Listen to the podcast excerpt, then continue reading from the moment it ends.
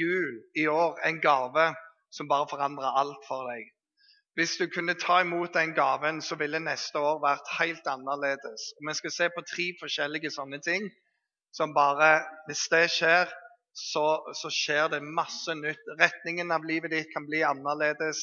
Framtida ditt, eh, helsa di, alt sammen kan være annerledes. I dag så skal vi avslutte denne serien Toxic. Og Som en start på talen, fordi det er jo litt sånn dystert når du ser disse her folka bak her, og vi skal snakke om toxic religion, så hadde jeg bare lyst til å vise en litt sånn oppmuntrende side av dette.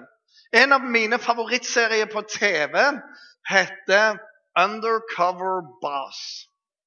Det er bare bra. Og Kort fortalt, det er i Amerika alt dette skjer. Som regel en eller annen sjef for et gigastort eh, selskap. Ja, tjener millioner av dollar. Og så går de undercover, kler seg ut med et eller annet og jobber med folk i denne bedriften. Eh, på forskjellige nivåer for å avdekke om de kan gjøre ting bedre. De ser etter god og dårlig praksis.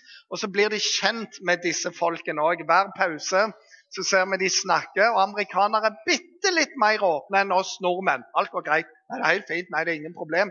Det er bare som med en gang så ja, du skjønner det. Far min drepte seg, mor min ble drept i ulykke. Ja, vi sliter veldig med dette, og jeg var dum i mine ungdomsår. Og så kommer det fram, og jeg har disse ambisjonene for livet. Jeg elsker jobben, jeg hater jobben, og alt i sammen. Så eh, dette ser jeg på så ofte jeg kan.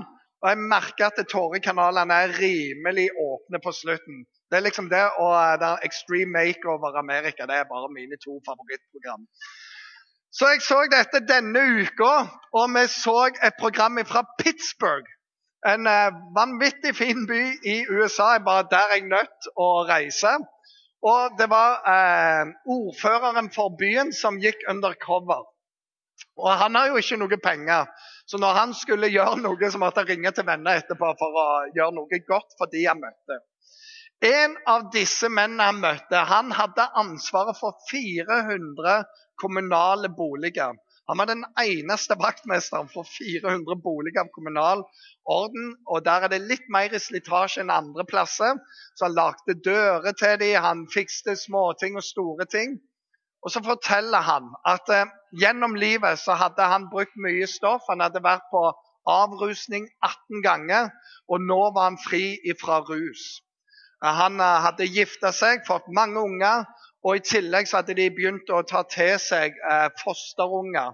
Han hadde bare en enorm pasjon for unge folk. Og så sa han jeg skulle likt at jobben min var sånn at jeg kunne ta inn ungdom lære dem et eh, håndverk, sånn at de hadde en annen retning i livet tidligere enn det jeg fikk. Og Så sier han i tillegg og så har jeg studert på fritida mi til å bli pastor. For min pasjon det er at folk skal få tak i Jesus og fra en annen retning av livet. Dette er ikke toxic religion, dette er bare hva det kristne budskapet er. Og Bare la ut for denne ordføreren, som han trodde var en som var med på et reality-show av en annen kaliber.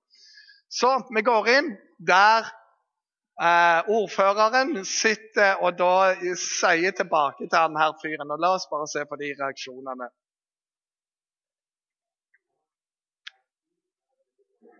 surrounded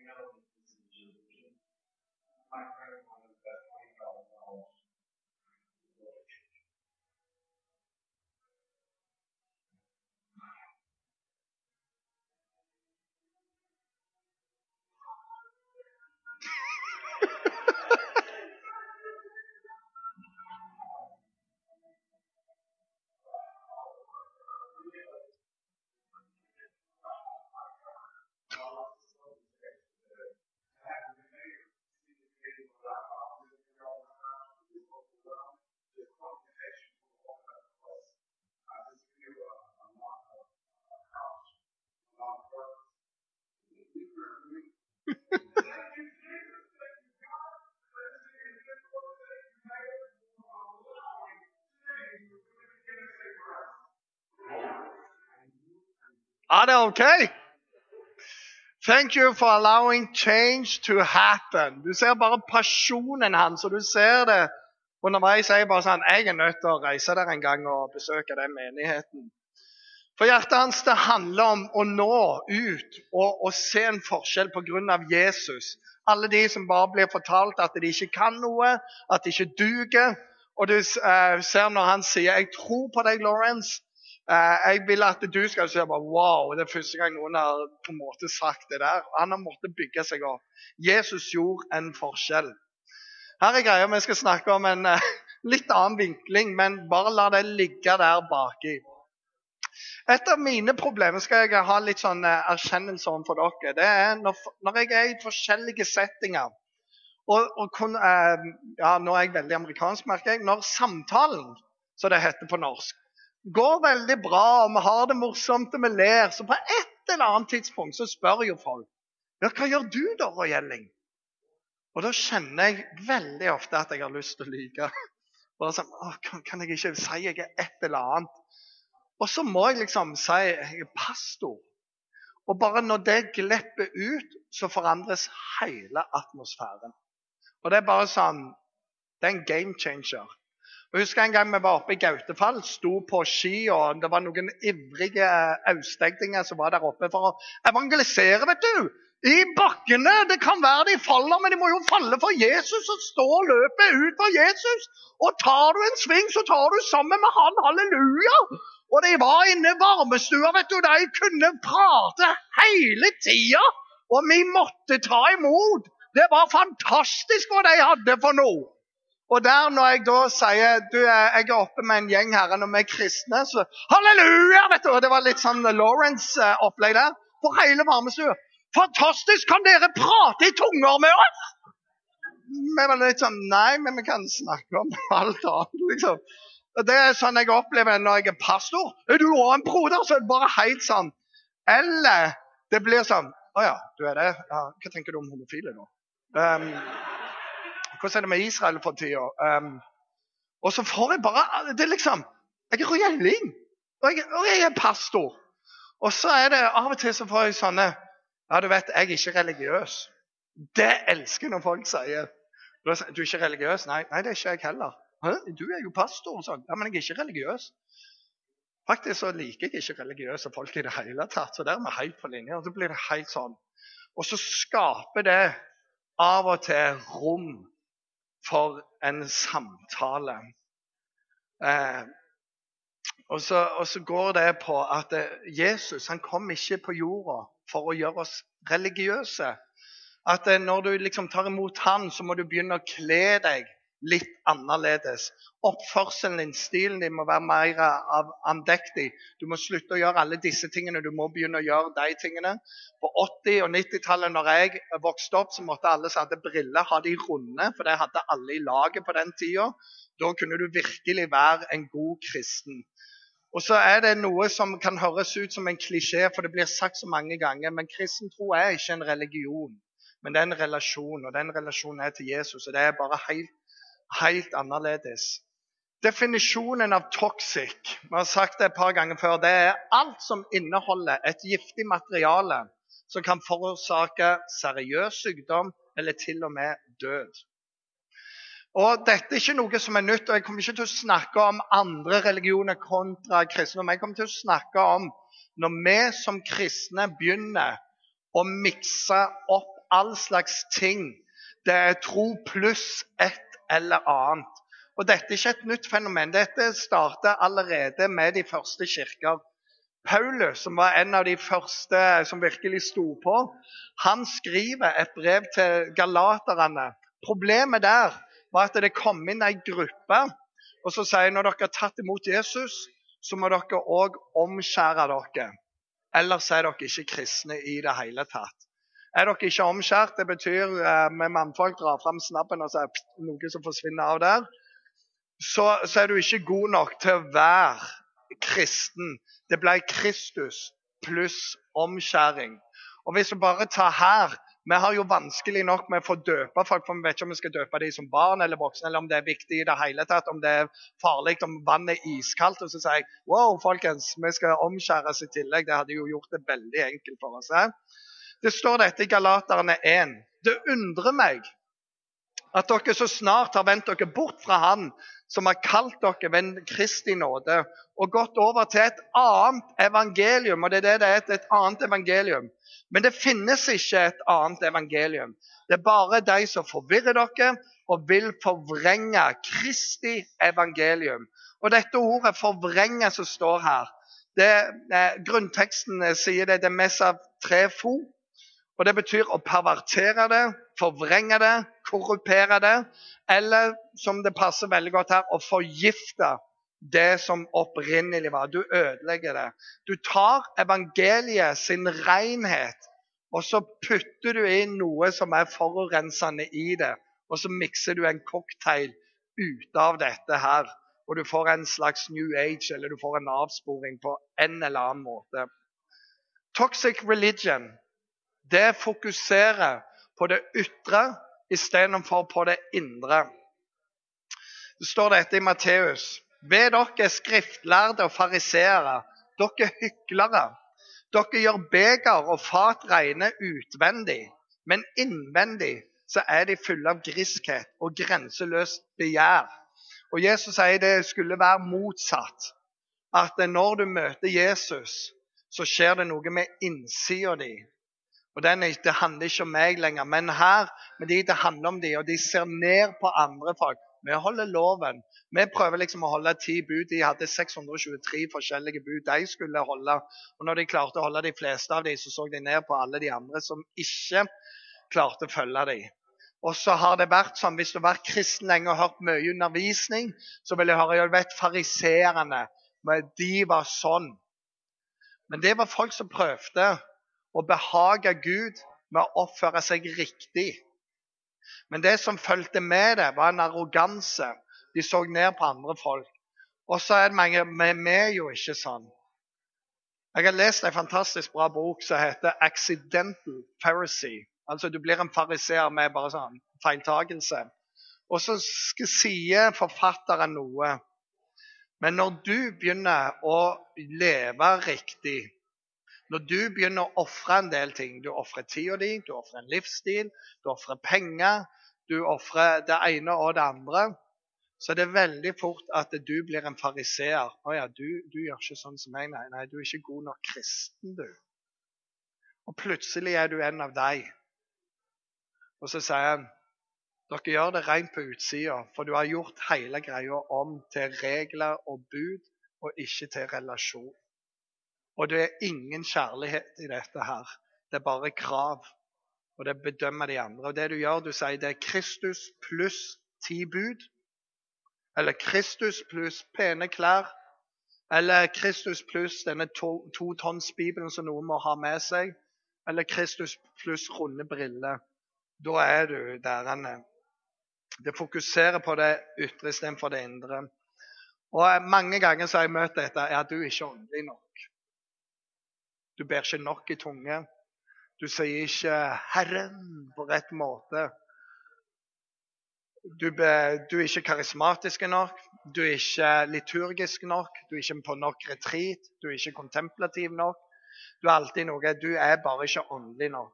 Og religion, det handler om våre anstrengelser for å minimere dette gapet til Gud. Vi gjør så mye for at Gud skal like oss, for at han skal godta oss, for at vi skal være bedre. Og Det handler om å ta seg sammen. Det handler om hvor lenge jeg klarer å be, eller hvor mye jeg gir. Og se på meg! Jeg går i kirke. Jeg faster av og til. Og det er ikke bare for å slanke meg. Jeg avstår fra banne, unntatt når jeg er på fotballbanen, riktignok. Eller som ei venninne av meg som skulle bli misjonær sammen med sin mann. og Hele Misjonsforbundet er på flyplassen for å ta farvel og be og sende dem ut. Så åpner bagasjen hennes seg der, og utfaller alle truser, alle bind og all prevensjon. Og da var det litt sånne andre ord som kom ut av hun òg. God start på Colombia-tida for deg. Har en kamerat han ba i tunge i én time hver dag når vi bodde i bokollektiv. Han høsta den åndelige frukten naseblod av det. Det var bare stress. Når vi starta Touchpoint, så var det for at vanlige folk skulle finne Jesus. Vi har ingen dresskode her. Vi har bare sånn, Prøv å dekke til det mest essensielle, så er du good to go. Vi har ingen måte du må gå på. Du må ikke ha med deg en bibel. Du, kan, du trenger ikke ha hatt en god dag. Vi har bare en nød med oss at du skal finne Jesus, for når du finner Jesus, så forandrer alt seg. Det er det som er greia. Vi må ikke redusere troen til å bli en religion av å gjøre og ikke gjøre, og følge de ti bud og all slags sånn. Det er på et annet nivå. Det fokuserer på det ytre istedenfor det indre. Og når du klarer å fokusere på det indre, så kan det være tusen feil ting. Det er det jo med alle av oss. Du trenger bare å bli gift, og så får du ektefellen til å begynne å fortelle hva som feiler deg, så finner du det ut. Det er ganske mye. Katrine hun er god til å fortelle meg. Og så er det så fint med Jesus, fordi han peker ikke på alle de tingene. Han sier vet du hva, akkurat nå vil jeg vi skal jobbe med den ene tingen. Og så bekrefter han deg. I toxic religion så er det en annen ting òg. Det fremmer åndelig stolthet. Og da er det stolthet som selvopphøyelse. Du tror du er mye bedre enn andre. Jeg vet ikke om du har møtt deg. Så Samme hva du sier, samme hvor begeistra du er, de vet bedre, de kan bedre. Det er en utrolig bra historie, eller en trist historie i Bibelen som er, sier noe om det. Det står dette i Lukas. Til noen som stolte på seg sjøl, at de var rettferdige og så ned på andre, der har du det, fortalte Jesus denne lignelsen. Sant? typisk fariseere igjen. To menn gikk opp til tempelet for å be. Den ene var en fariseer, og den andre en toller. Og her er forskjellen. Fariseeren han søker å please Gud med alt han kan. Han kan loven, han kan Bibelen. Han gjør alt han kan for å leve riktig. Tolleren han var en som virkelig, virkelig var en skurk. Han var betalt for å ta en skatt, og så sa de du kan ta så mye du vil, bare romerne får det de skal. Og de visste å grave til seg. Det som skulle koste 20 kroner, det kosta fort 30 kroner. Du kunne ikke røre det. Og du visste han stjeler mine penger og beriker seg sjøl. Og han var en av deres egne i tillegg. De hata disse. Alle hata tollerne. Og fariseerne var ofte sett opp til, for de hadde liksom greia med seg. Og Jesus sier så det var denne fariseeren som ba, og denne tolleren. Og fariseeren han stiller seg opp og ber. Gud, jeg takker deg for at jeg ikke er sånn som de andre menneskene. De som svindler, de som gjør urett og bryter ekteskapet. Eller sånn den tolleren der nede. Jeg faster to ganger i uka, og jeg gir tiende av alt jeg tjener. Fantastisk bønn. Og hele greia går på jeg har rett, og du har feil. Eh, og jeg vet dette gjelder ingen, for ingen av dere har sett ned på noen andre. Selv ikke svensker og bergensere. Jeg kommer fra Bergen, jeg vet alt om å bli sett ned på. Men i dette 'jeg har rett, du har feil', så går det Huskirke er riktig. Institusjonskirke det er bare feil. Det skal være karismatisk, for der er Den hellige ånd. Det må være liturgisk, for det er verdig. Det har vært rundt i århundrer, og det viser hele greia. Det må være kontemplativt, for at der hører du Guds røst. Det må være én time, det må være tre timer. Vi må synge på svensk. Hva? Det er så åndelig, hør. Nei, vi må synge på engelsk, for det er jo det englene synger. Nei, det må jo være norsk, for han snakket jo med dialekt. Det må være hebeno shalachem og det må være omskjærelse, ellers så er det ingenting. Og så er det bare en sånn underlig greie. Jeg har rett, og du har feil. Og så møter vi òg den derre Ja, du vet at eh, pastoren din, han, han forkynner ikke riktig. Han er ikke god i det hele tatt. Jeg var ansatt i Salem for en god del år siden. og jeg husker Der var det noen som begynte å dele traktater ut utenfor. Og så sa jeg hva dere holder på med? De ut, Det er veldig viktig, dette. her. Ja, Men det har ikke vi godkjent. Og så fikk jeg jagt det vekk. Og så gikk det på at Bill Hybels han var fra Satan. For at det en gang, og nå er det veldig farlig, for nå kommer jeg til å være fra Satan, hadde han gjort sånn. De hadde klart å filme det veldig dårlig. Og det kan være at han egentlig gjorde sånn eller noe sånn. kan være at han egentlig bare sto sånn. Men de klarte i hvert fall. Amerikanere er dødsgode på å lage eh, konspirasjonsteorier. Han hadde gjort litt sånn. Og Det viste at han tilba djevelen. Og nå har jo jeg tilbedt djevelen sikkert fem, seks, syv ganger her. Og, og i tillegg så hadde de klart å kryssklippe noe og Det måtte de advare alle mot. At en fyr i Amerika som forkynte Jesus og ba til frelse til eh, mange mange tusen hvert år, og drev misjon i alle verdens land og gjør veldig mye godt for hele verden. Han var fra Satan. Det var veldig viktig å få fram. I tillegg så har jeg opplevd det sjøl. Når jeg var ansatt i Salem, så hadde vi en kar som eh, var rundt i salen av og til og så Må ikke høre på det de sier. Det er djevelen som bruker de. Jeg har den eneste rette læren. Dere må ikke høre på dette, her, for de forsyner alt. Alt er vranglære. Men jeg har det rette. Det var, det var fantastisk å vite at dette pågikk. Paulus opplevde akkurat det samme. Noen forkynte evangeliet på den måten, og noen på den måten. Og noen hadde edle motiv, og andre gjorde det egentlig bare for å på en måte disse Paulus. De ville at han skulle få det verre. Og så skriver han i brevet til filipperne og Jeg har hørt om det, og jeg har hørt om det. Hva så? Kristus blir forkynt uansett, og det er jeg glad for. Og det der liker jeg, og jeg liker det enda bedre på engelsk. So what? Who cares? Kristus blir forkynt. Og la meg si det med en gang. Her på Touchpoint så er vår holdning er på lag med alle som prøver å forkynne Kristus. Vi er på lag med alle som prøver å gjøre noe godt for Guds rike. Og når folk spurte hva tenker dere når intro kom til byen, så er vi halleluja. Det er flere som vil stå på for evangeliet. Hva tenker dere om at Fille har bygd så stor? Fantastisk, for folk blir tiltrukket av sånne ting. Hva tenker dere om at Salem har gjort det de gjorde? Wow! Det er til og med Misjonsforbundet. Det er jo enda kulere for oss, for vi har et lite hjørne i himmelen der vi tror vi er helt alene. Så er flere av oss i det hjørnet der. Ja, Hva tenker du da om det som skjer i Den norske kirke? Der og der og der. Å, det er så mange folk de vinner. Hva tenker du om det som er bedehusene? Satser de på alfakurs? Prøv alfakurset! Vi er for alle som prøver å gjøre noe godt for Jesus. Vi er for. Og vi ønsker å støtte og backe og be for og heie på, alle sammen. Du skjønner det når du inntar den der rollen av å, å be en tilfeldighet bli en sånn fariseer, så er det så gledesløst, det er så kynisk, det er så superkristisk, det er så dømmende. Og all livsenergi suges ut av det.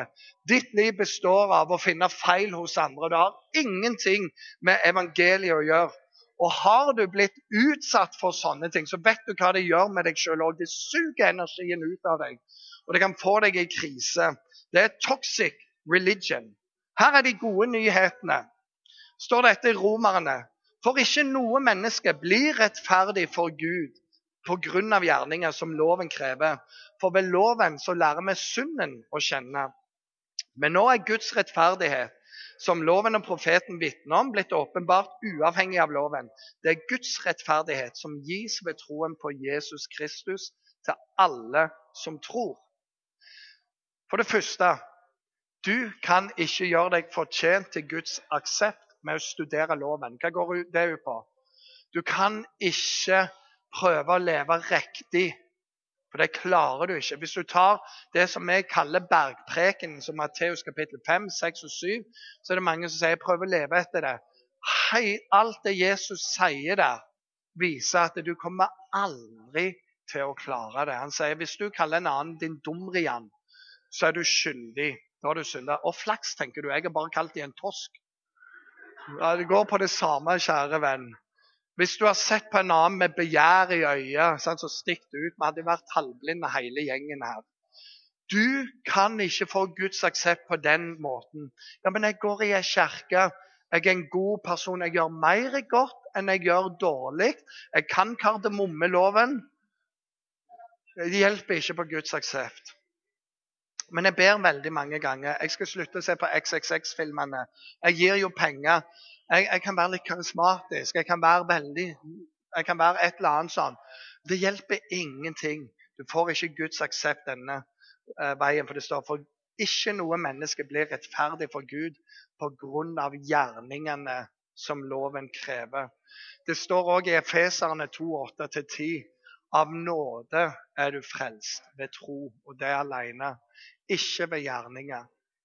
For hvis det var med gjerningen, så ville du og jeg begynt å skrøte om vi hadde blitt sånn som dette her. Men det er alt det er av nåde. Nummer to. Hensikten med loven er å vise deg at du, trenger en frelser. Når du prøver å leve etter bergpreken, så finner du ut jeg har ikke en sjanse. Nei, det er poenget. Ja, men hva skal jeg gjøre? Ja, du trenger en frelser. Ja, OK! Det er poenget. Du klarer ikke dette. Gud vil at du skal trenge Han. For, no, for, ikke noe menneske blir rettferdig for Gud pga. gjerningen som loven krever. Ved loven lærer vi synden å kjenne. Du trenger ikke religion. Du trenger Jesus. Jeg klarer det ikke, men han klarte det for meg. Den tredje tingen, rettferdighet overfor Gud, kommer med tro på Jesus Kristus alene. Dette er Guds rettferdighet, som gis med troen på Jesus Kristus til alle som tror. Det er Jesus pluss ingenting. Det er Jesus pluss ingenting. Det er Guds nåde pluss ingenting. Så er du gjort rein. Jeg vet ikke hvordan du har det med politifolk, men når jeg er ute og kjører, og jeg ser en eller annen politi står i veikanten, da blir pulsen min rimelig høy. Jeg begynner å sjekke alt rundt i bilen. Jeg har sikkert kjørt for fort, for jeg er jo apostel, og det må gå fort. Og, og det bare surrer. Og hvis politiet står sånn, da kjører ikke jeg forbi. For jeg tenker ja, men er det jo ikke eh, Det er Fredrik, det der. Han er to. Og han kjenner jeg bare kjører forbi. Pff, betyr ingenting.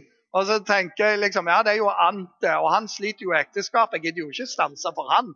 Og han er jo noen ting sjøl. Hadde de andre i politiet visst hvor mye han drakk i helgene, så betyr ingenting. Når han har på seg den uniformen og står der og vinker, så har jeg én ting å gjøre. Det er å kjøre inn til sides og smile. Det er jeg god for. Hallo! Ja vel! Jeg er pastor! Så vet jeg det ødelegger jo hele samtalen. sant? Omskjæring, så er du der. Fordi uniformen sier hvem han er. Det er ikke Ante, det er ikke Fredrik, det er ikke to. Det er politimannen. Og sånn òg når vi er i Kristus, så ser Gud Jesus i oss. Og så sier han du er rein. Det er Jesus pluss ingenting. Du er ikledd Kristus. Jeg har vært med en som heter Jan Honningdal en del før i tida og spilt med han rundt omkring. Og han brukte et annet bilde på det. Du, du vet, jeg har den gitaren her jeg spiller på hele tida. Og hvis gitaren nå er det Han har jo liksom forma seg det òg. Så kan du jo si at eh, når du ikke en kristen, så er du gitar. Men du har vært en kristen, så legger han deg opp i gitarkassa, og du lukker rundt, og du ser bare gitarkassa. Ser ikke noe gitar her. Det er bare ei gitarkasse. Sånn er det. Og ingen forstår en ting. Så jeg sier politimann, det skjønner vi. Så religion, det handler om hva jeg gjør. Kristen tro handler om hva Jesus har gjort. Religion det handler om meg, mine anstrengelser. Kristentro, det handler om Jesus. Det handler om å gjøre, og det handler om hva som er gjort. Jeg liker dette på engelsk. I religion to do. I, i den kristne tro it is done. Do or done. Amen. Ja, nå snakker vi her. Og så er greia har avtalt bare så dere vet det. hvis, jeg, hvis jeg hadde ett bra poeng, så skulle dette komme. Så i religion så bærer vi med en frykt som heter Jeg må gjøre alt dette her for å få Gud til å like meg. I troen så hviler du i at jeg er elska. Og når jeg er elska og jeg er tilgitt og jeg er ønska, så skaper det noe annet og det er jeg har lyst å gjøre det som behager den andre. Jeg vet ikke om du noen gang har vært i, i relasjoner der de andre egentlig ikke liker deg. De bare oppfører seg dårlig mot deg. Og Det kan være foreldre, søsken, lærere, trenere. Det kan være en du er veldig, veldig forelska i. Og så bare Jeg må gjøre hva som helst for å få den til å like meg. Og av og til så gjør vi så mye dumme ting i vår streben etter å bli elska. Men jeg trenger at mor elsker meg. Eller hun der har jeg sett med Gud, og jeg vil bare at hun skal like meg. Eller han der han er, å, Kunne jeg bare fått han til å like meg, så hadde livet blitt verre. Og så begynner du på en ferd som verre, bedre. Det blir verre. Det er derfor. Jeg hørte ingen amen borti fra hjørnet nå. Og så er greia at plutselig så begynner jeg å tråkke på egne grenser. Og gjøre ting jeg aldri ville ha gjort, men jeg er bare desperat etter anerkjennelse. Og det jeg ender opp med, det er å være veldig såra, for jeg får ikke den responsen jeg håpte på. Og mellomtida jeg har gitt alt, jeg får ingenting, og så gir jeg mer enn alt. Jeg gir vekk hjertet mitt. Og det står 'bevar hjertet ditt', og så vet jeg jeg ofrer hjertet òg. Og så får jeg ingenting tilbake igjen. Det er religion. Det er religion. Det blir bare aldri godt nok.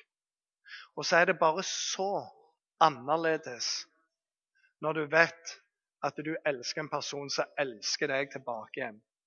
Jeg koser meg med å være far. Og da har jeg sittet med en fireåring på fanget utrolig lenge. Jeg er den store helten i livet. Det er bare fem-seks år til, så er jeg den største torsken i verden. Og så sier jeg det er en synd, hvis du kaller meg en torsk. Så, eh, men så er det noe med kose. Så vet han at eh, jeg elsker han.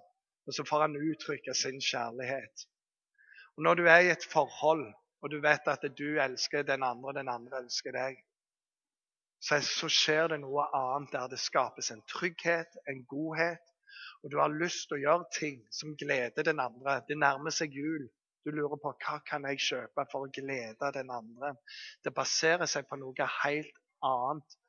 Og når folk som er glad i hverandre, gjør noe dumt, og de kommer tilbake og sier vet du hva, jeg bare Tilgi meg. Så er det nokså kort vei til å si det gjør jeg. Og Det forholdet som Gud vil vi skal ha til Han, og som vi kan ha igjennom Jesus, det er forskjellen på religion og relasjon. Du må ikke gjøre noe. Det er allerede gjort. Du kan få lov å ta imot. Det er ikke et krav, det er en respons. Og, og, og når du har denne relasjonen med Jesus, så er ikke den der stoltheten at du begynner å se ned på andre, men du får en ydmykhet med deg som gjør at du begynner å se andre folk gjennom Jesus sine øyne. Og det du begynner å se, det er hvor mye folk er verdt for Gud. Det er noe helt, helt annet. Til slutt Denne historien om han fariseeren som ba og ser ned på han andre, den slutta ikke der, for Jesus gikk videre. og Det står tolleren sto langt unna og ville ikke engang løfte blikket mot himmelen. Og dette kan være deg. Jeg, ikke, jeg vet mine feil, jeg vet mine mangler. Jeg har gjort mye dårlig. Men han slår seg for brystet og sa, 'Gud, vær meg synder nådig.'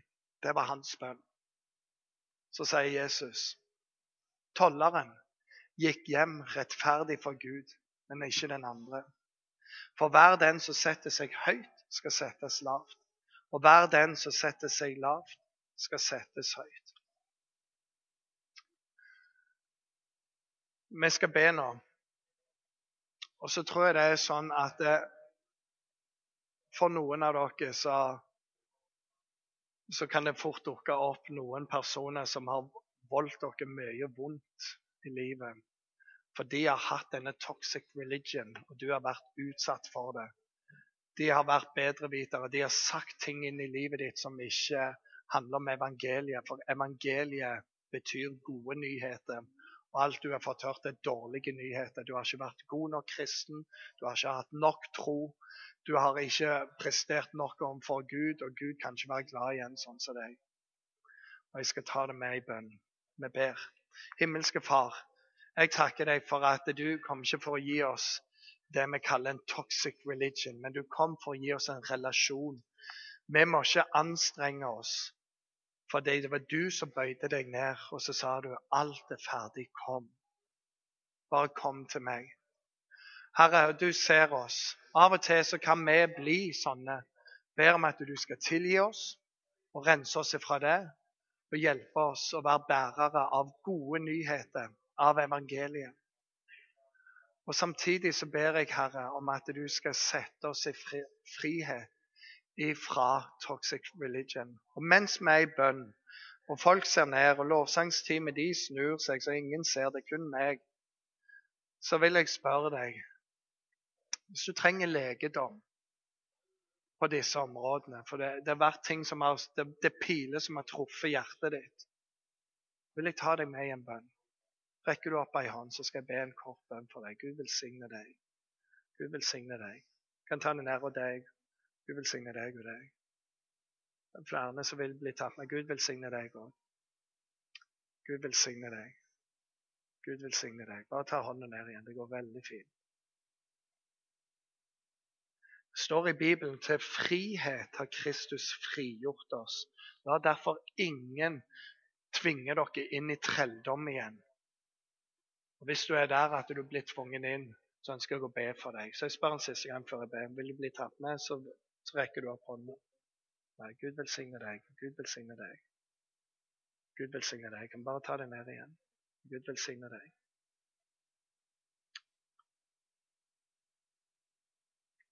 Herre, vi ber om helbredelse for ting som er sagt, og ting som er gjort.